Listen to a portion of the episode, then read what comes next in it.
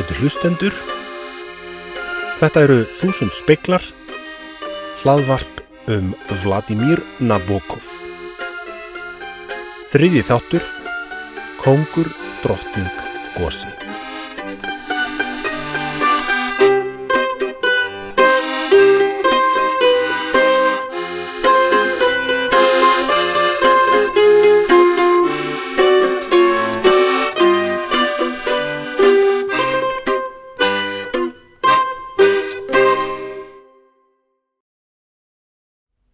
Venjulegum spilastokki eru þrjár gerðir af mannspilum.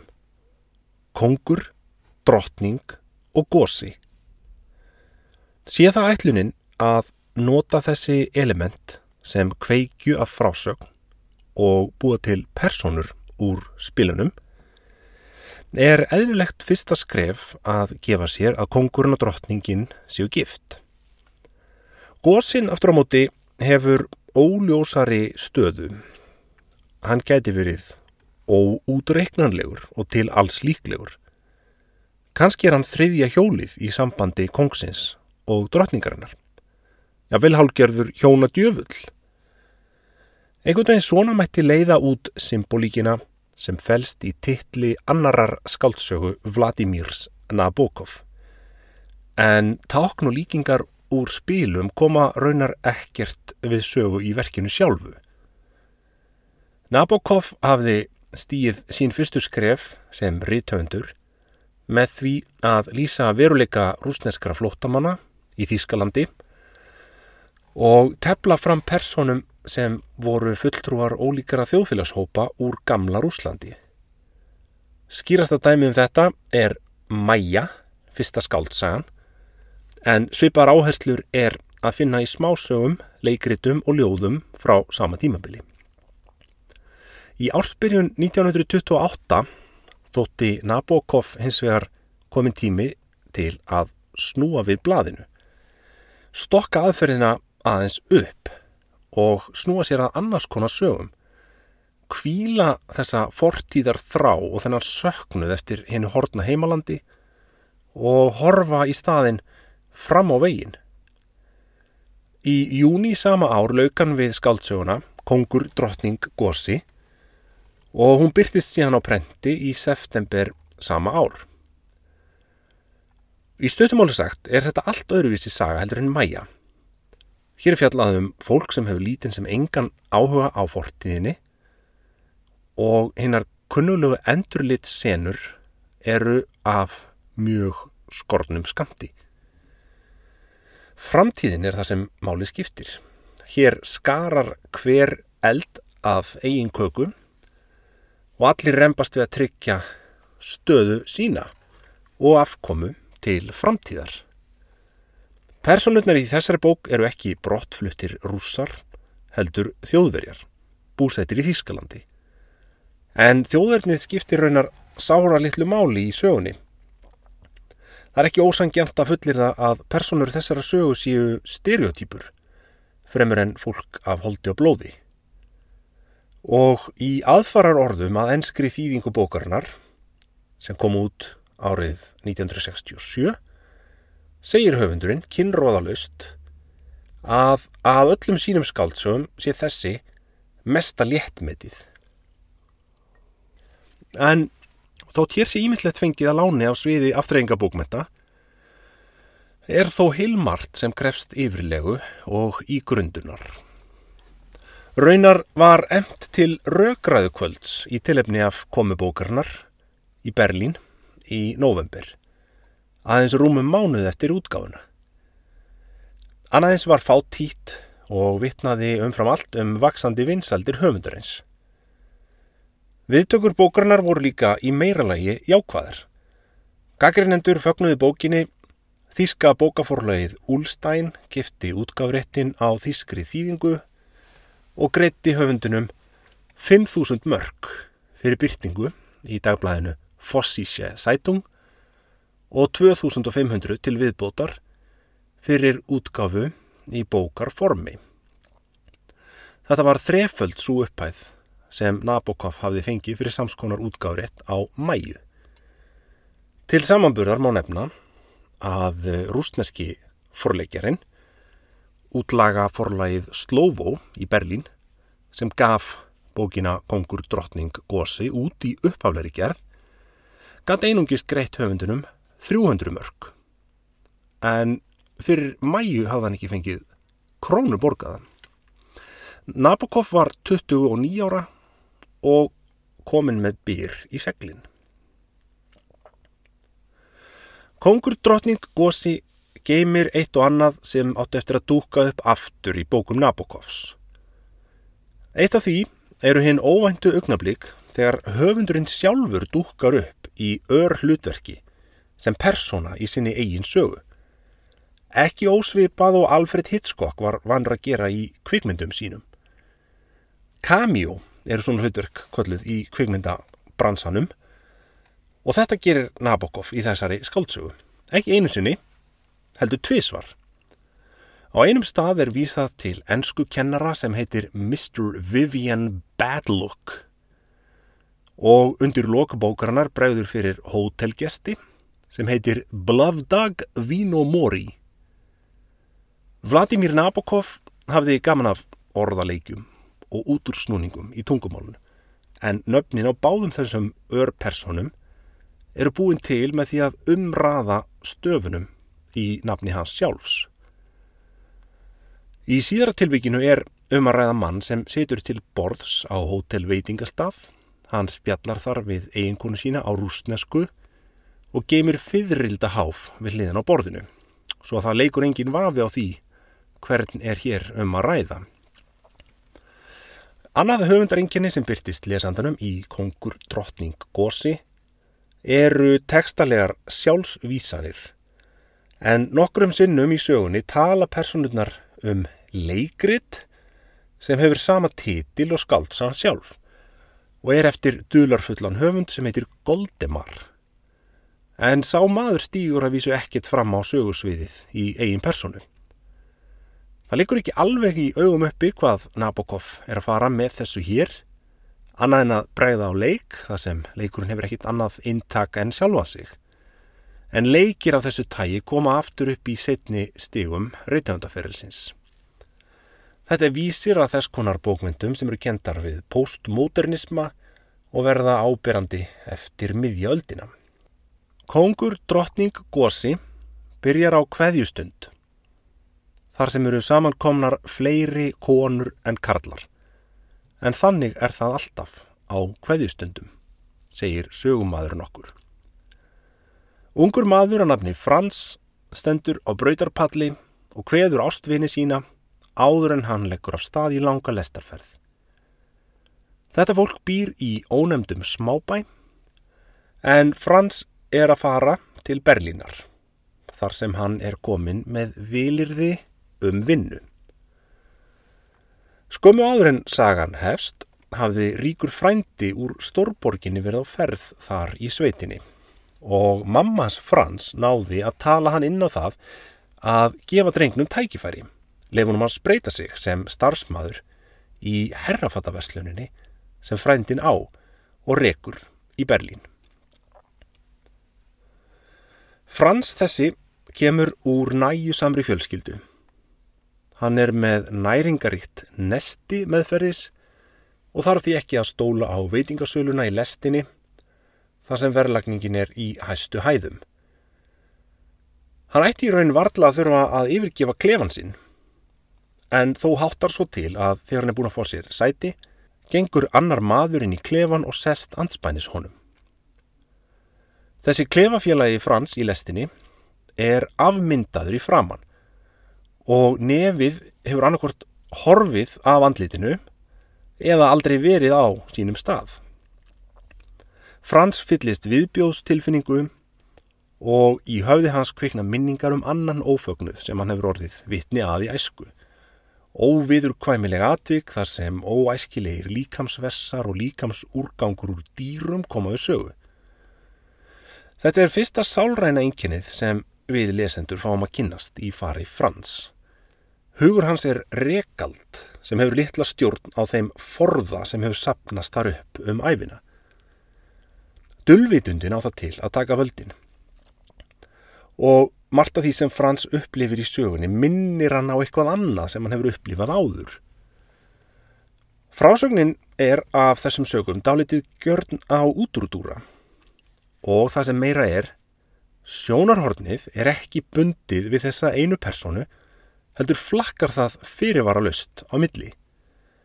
Þetta er raunar sambarilegt við fyrstu skáldsögu Nabokovs, Mæju, þar sem lesandin fær að skiknast inn í hugarheim fjölmarkara persóna þótt þráðurinn rati alltaf aftur í fangið á aðalpersonunni.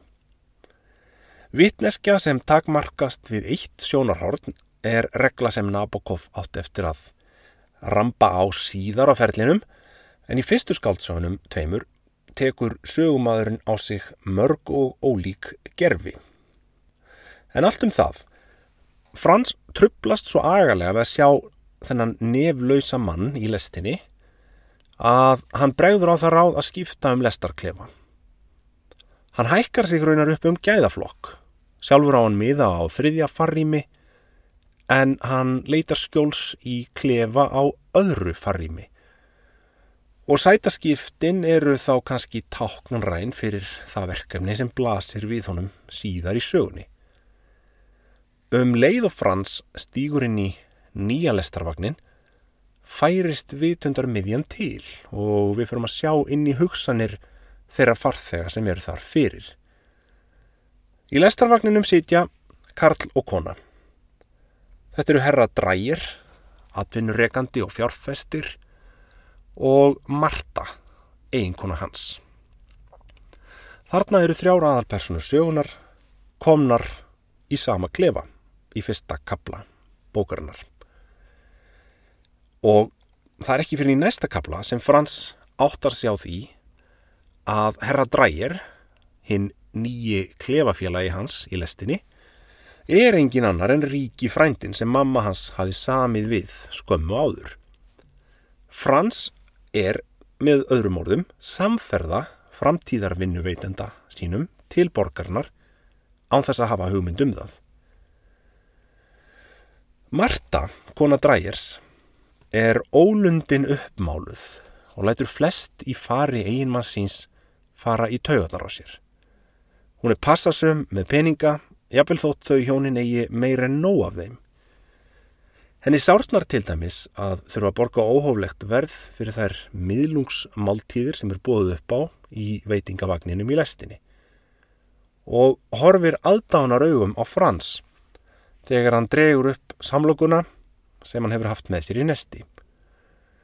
Marta er líka gröm út í eiginmann sinn fyrir að hafa lofað frængu sinni að bjóða í hennar vinnu. Dreng sem drægir hefur aldrei hitt og hún telur að slíka ráðningar kunni ekki góðri lukku að stýra fyrir fyrirtækið. Lýsingin á ferðalæðinu til Berlínar er nánast drömkjent. Enda er leiðin laung og Frans er ímist hálf sofandi eða hálf vakandi. Lestarferðarlag með sífælt nýjum áfangastöðum er eins og draumur sem tekur sífældum breytingum eða síning þar sem er brugðið upp sífælt nýjum atriðum og aldrei fæst neyn vissa um það hvaða veruleiki er hins sanni og endanlegi.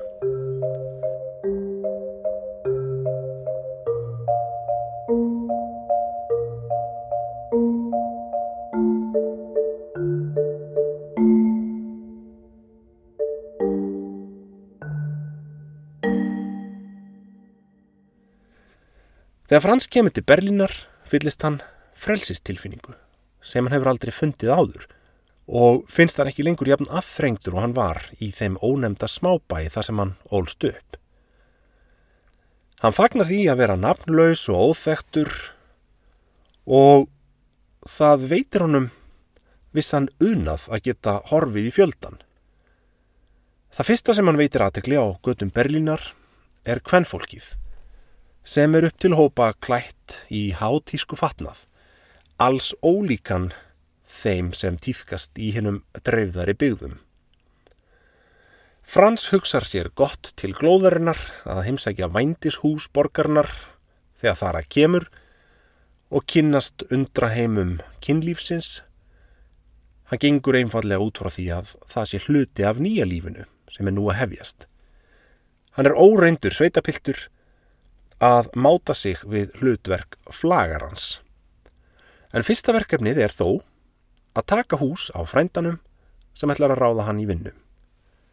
Hann hefur upp á húsinu og ber að dýrum en þar sem herra drægir er ekki heima í augnablikinu er það Marta, kona hans, sem tekur á mótunum. Frans og Marta eiga gott spjall áður en drægir kemur heim og það kvikna strax neistar á milli þeirra. Þarna á þessum fyrsta fundi verður til vísirinn að því sem raun gerist síður í bókinni en það er ástarsamband þeirra Frans og Mörtu.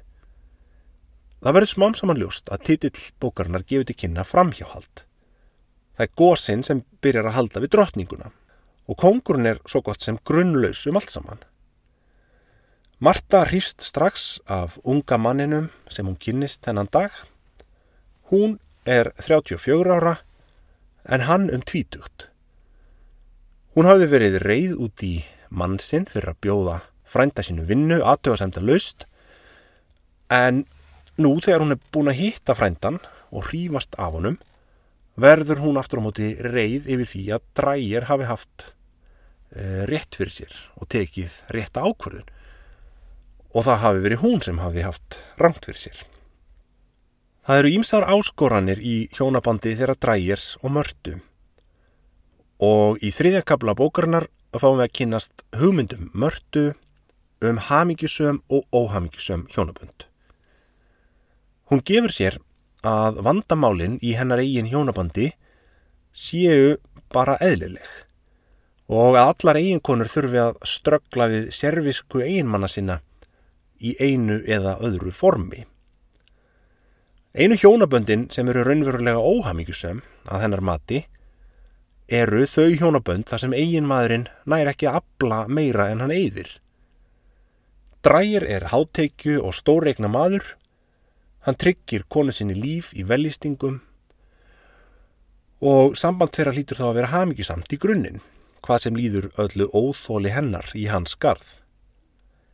En þegar Frans kemur til skjálana, verður Marta strax áhugasum um að hjálpa drengnum að stíga fyrstu skrefin í Stórborginni.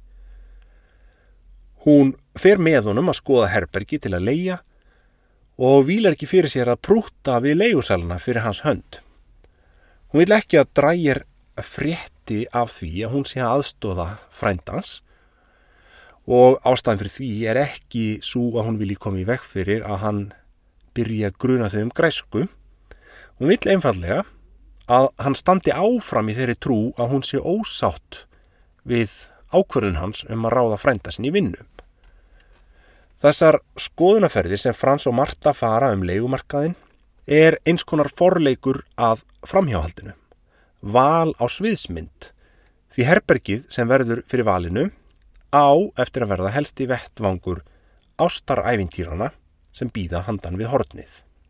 Fyrstu vikurnar eftir að þau Frans og Marta hittast í fyrsta skiptið byrja þau að næra með sér alls konar fantasjur, hvort í sínu lægi og fara að telja í sig kjark að sína frumkvæði.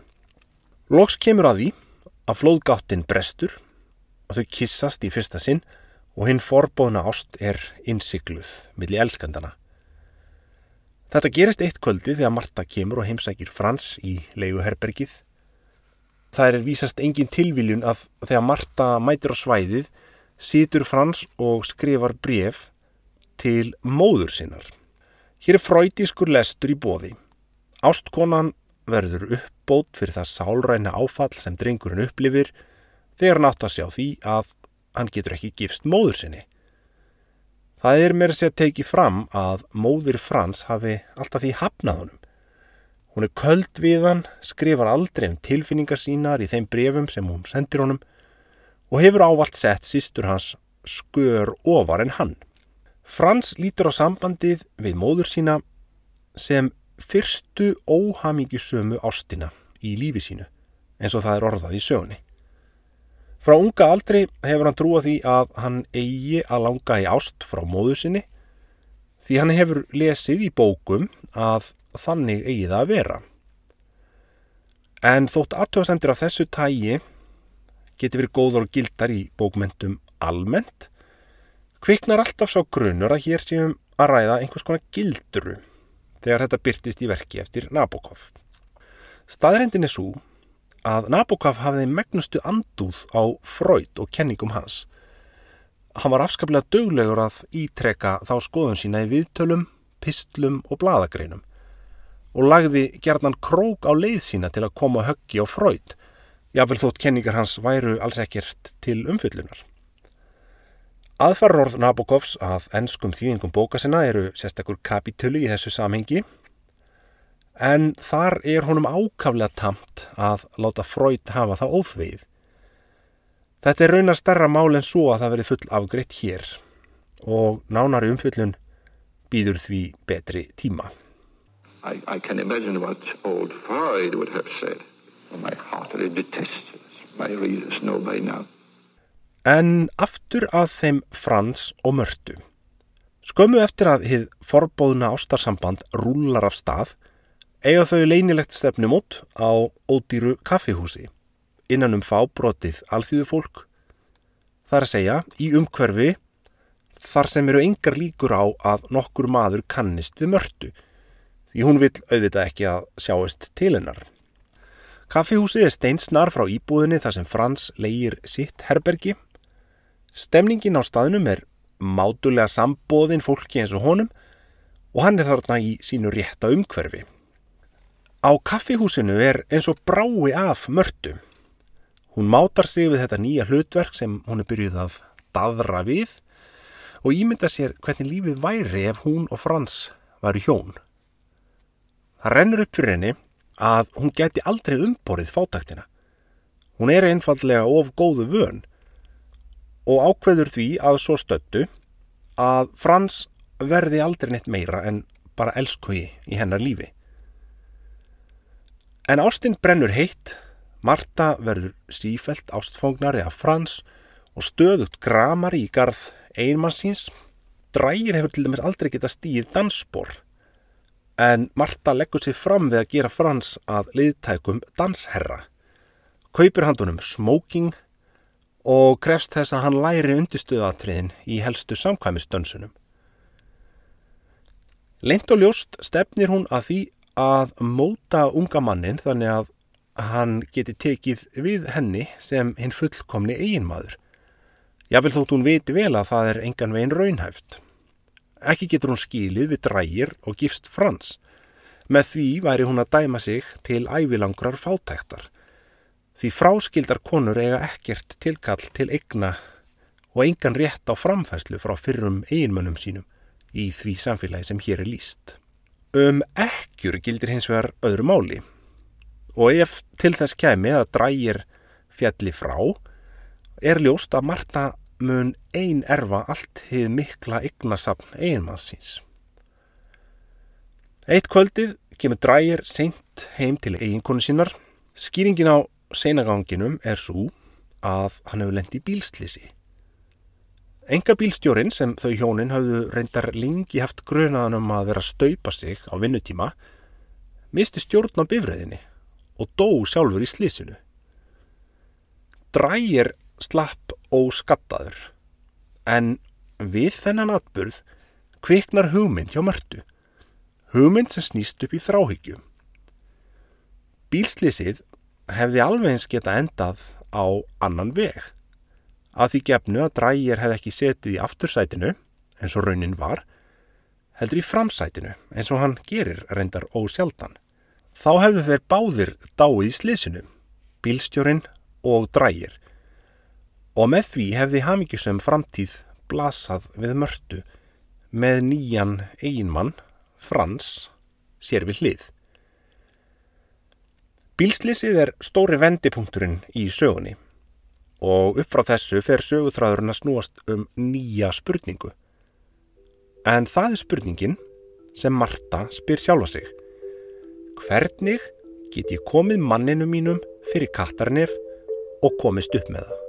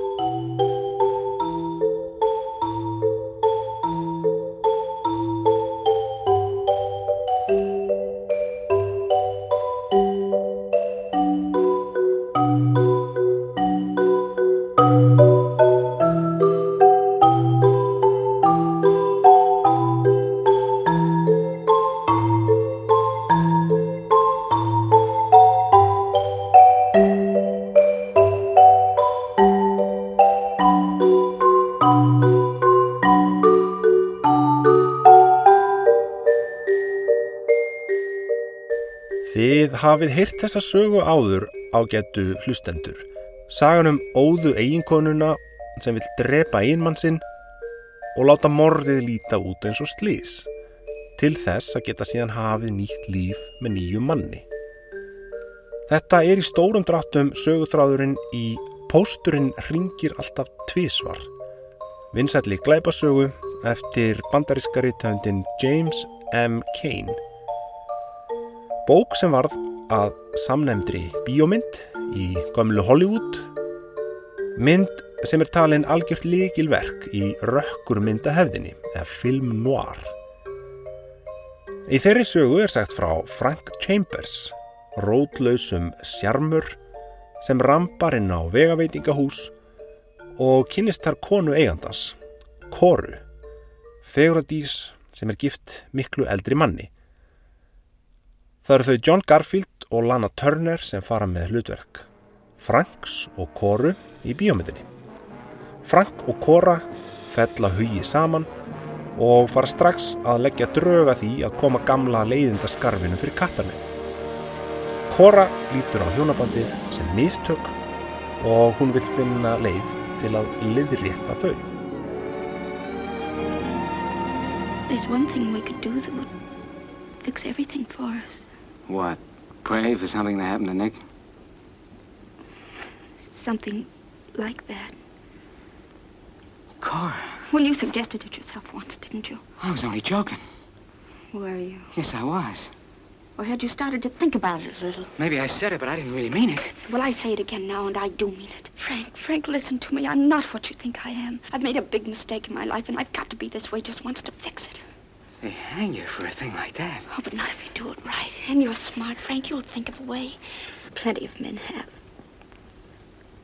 He never did any harm to me. But, darling, can't you see how happy you and I would be together here without him?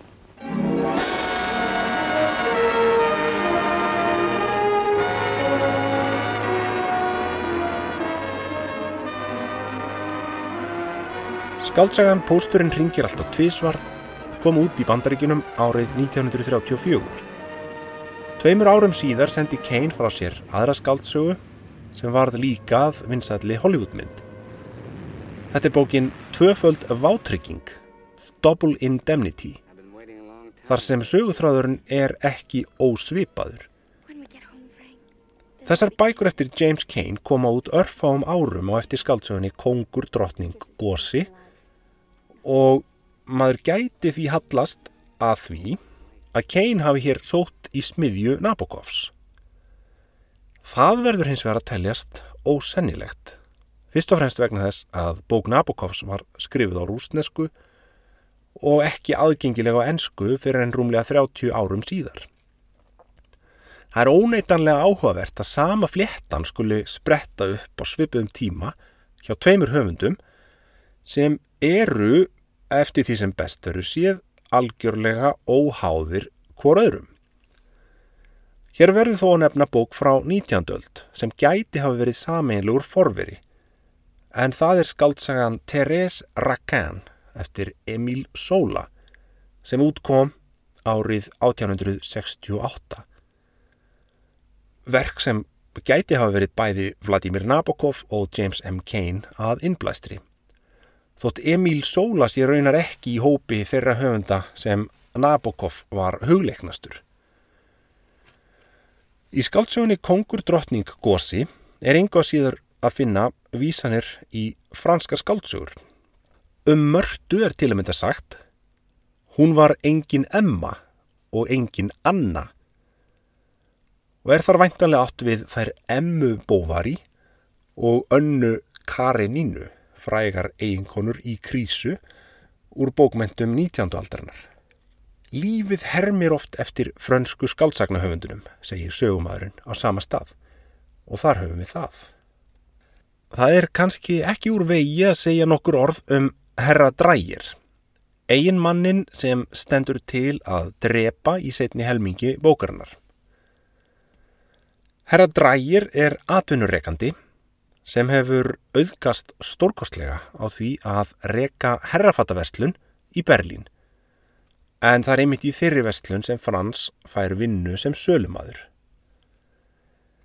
Drægir er hins vegar ekki sérlega dæmigerður góðborgari í þeim skilningi að hann er ekki grand var og yfirvegaður í framkomu. Þvert á móti er hann út úr flippaður grínari sem notar hvert tækifari til að snúa út úr, rekja, skopskæla og slá öllu upp í góðlátlegt glens. Í einu atriði bókarnar er því til dæmis líst þegar hann mætir seint í vistlu á sínu eigin heimili dulbúinn sem grímuklætur innbortstjóður, engungu til að gantast í gestunum. Marta kona hans hefur vitanlega engan húmor fyrir svona uppáttækjum, en þótt drægir hafi komið ársinni vel fyrir borð, er hann eftir sem áður leitandi og opinn fyrir nýjum fjárfestingatækifærum.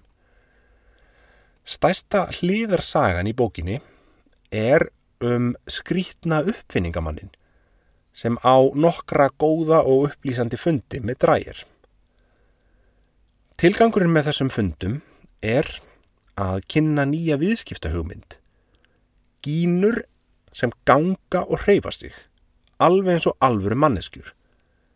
Eins konar vélmenni sem drægir hefur huga á að nota við kynningu og síningarstörf í búðinni sinni. Hugmyndin er reynda svo góð að drægir reiknar fastlega með því að ef hann festi sér yngaréttin geta hann stórgrætt á því að selja uppfinninguna líka til annara vestlana. Þetta er hobbyverkefnið sem drægir sinnir í sögunni en hann blandar konu sinni aldrei í þetta mál, heldur því bara fyrir sjálfa sig.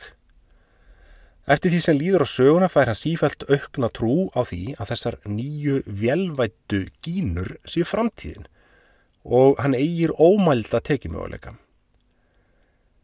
Vélmennakablarnir vöktu aðtegli gaggrínenda þegar bókin kom út og margir kusu að tólka þennan hlutasögunar sem hugleðingu um fyrringuna í nútímanum. Það hvernig nútímamadurinn væri ekki annað en vél í stóru gangverki. Þetta eru frjóar pælingar og mjög í anda millistrís árana en eh, eru kannski óskheikja í þessu samhengi og ekki mjög grundvallaðar í sögun sjálfurri. En eftir að Marta fær þá flugu í höfuðið að drepa einmann sinn er sagt frá því þegar hún og Frans leggjast í mikla rannsóknarvinnu við að stúdera ólíkar morðaðferðir.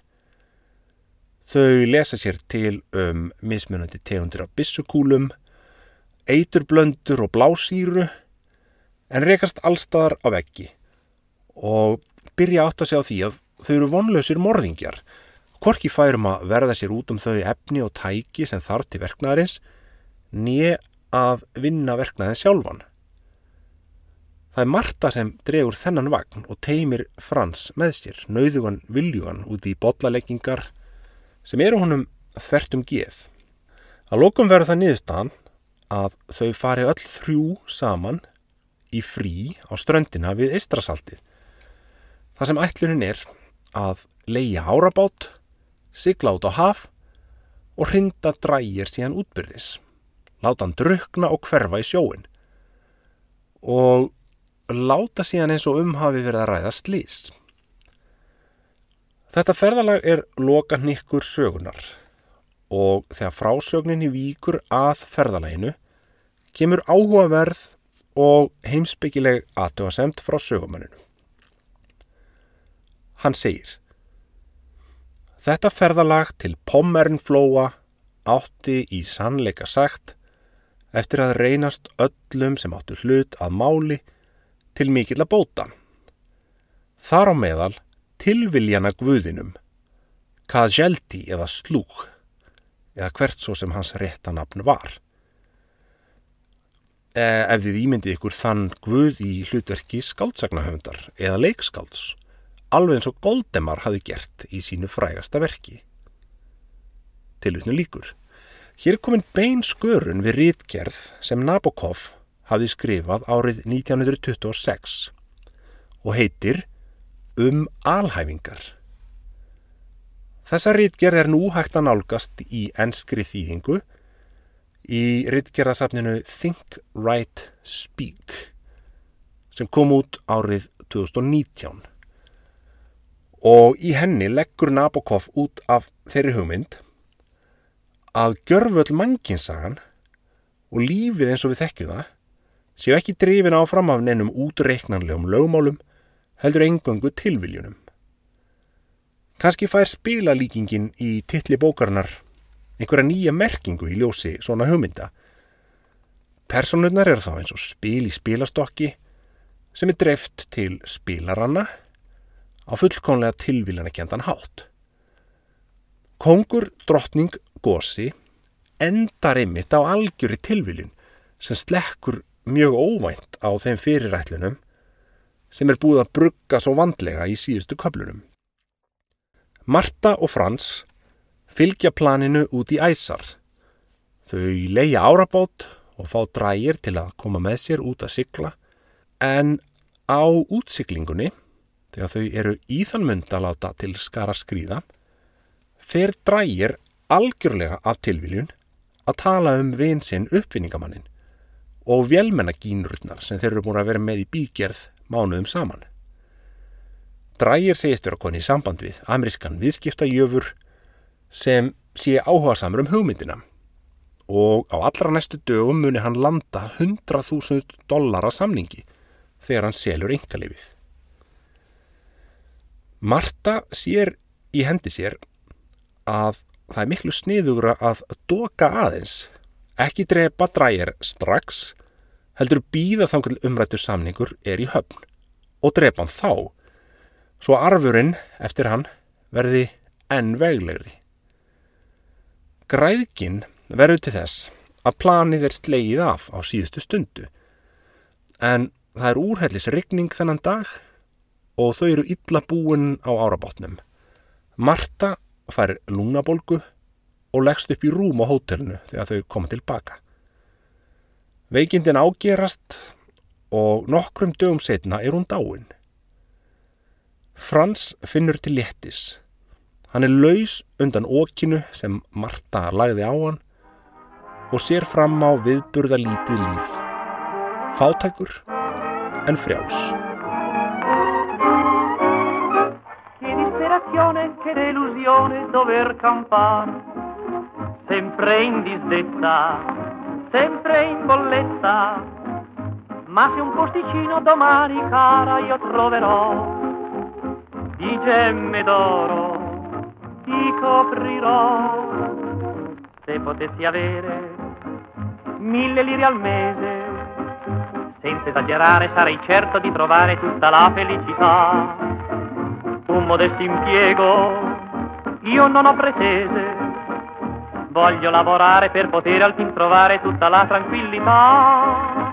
Una casettina in periferia, una mogliettina giovane e carina tale quale come te, se potessi avere mille lire al mese, farei tante spese, comprerei fra tante cose le più belle che vuoi tu. Þetta var þriðji þáttur og hér hefur verið fjallað um aðra skáldsögu Vladimirs Nabokov, bókina Kongur, Drottning og Gósi. Í næsta þætti verður fjallað um þá þriðju. Bók sem er stundum kalluð Fyrsta stórvirkið eftir Nabokov. En það er skaldsagan Vörninn sem útkom árið 1930. Voglio lavorare per poter al fin trovare tutta la tranquillità. Una casettina in periferia, una mogliettina giovane e carina tale quale come te, se potessi avere mille lire al mese, farei tante spese, comprerei fra tante cose le più belle che vuoi tu.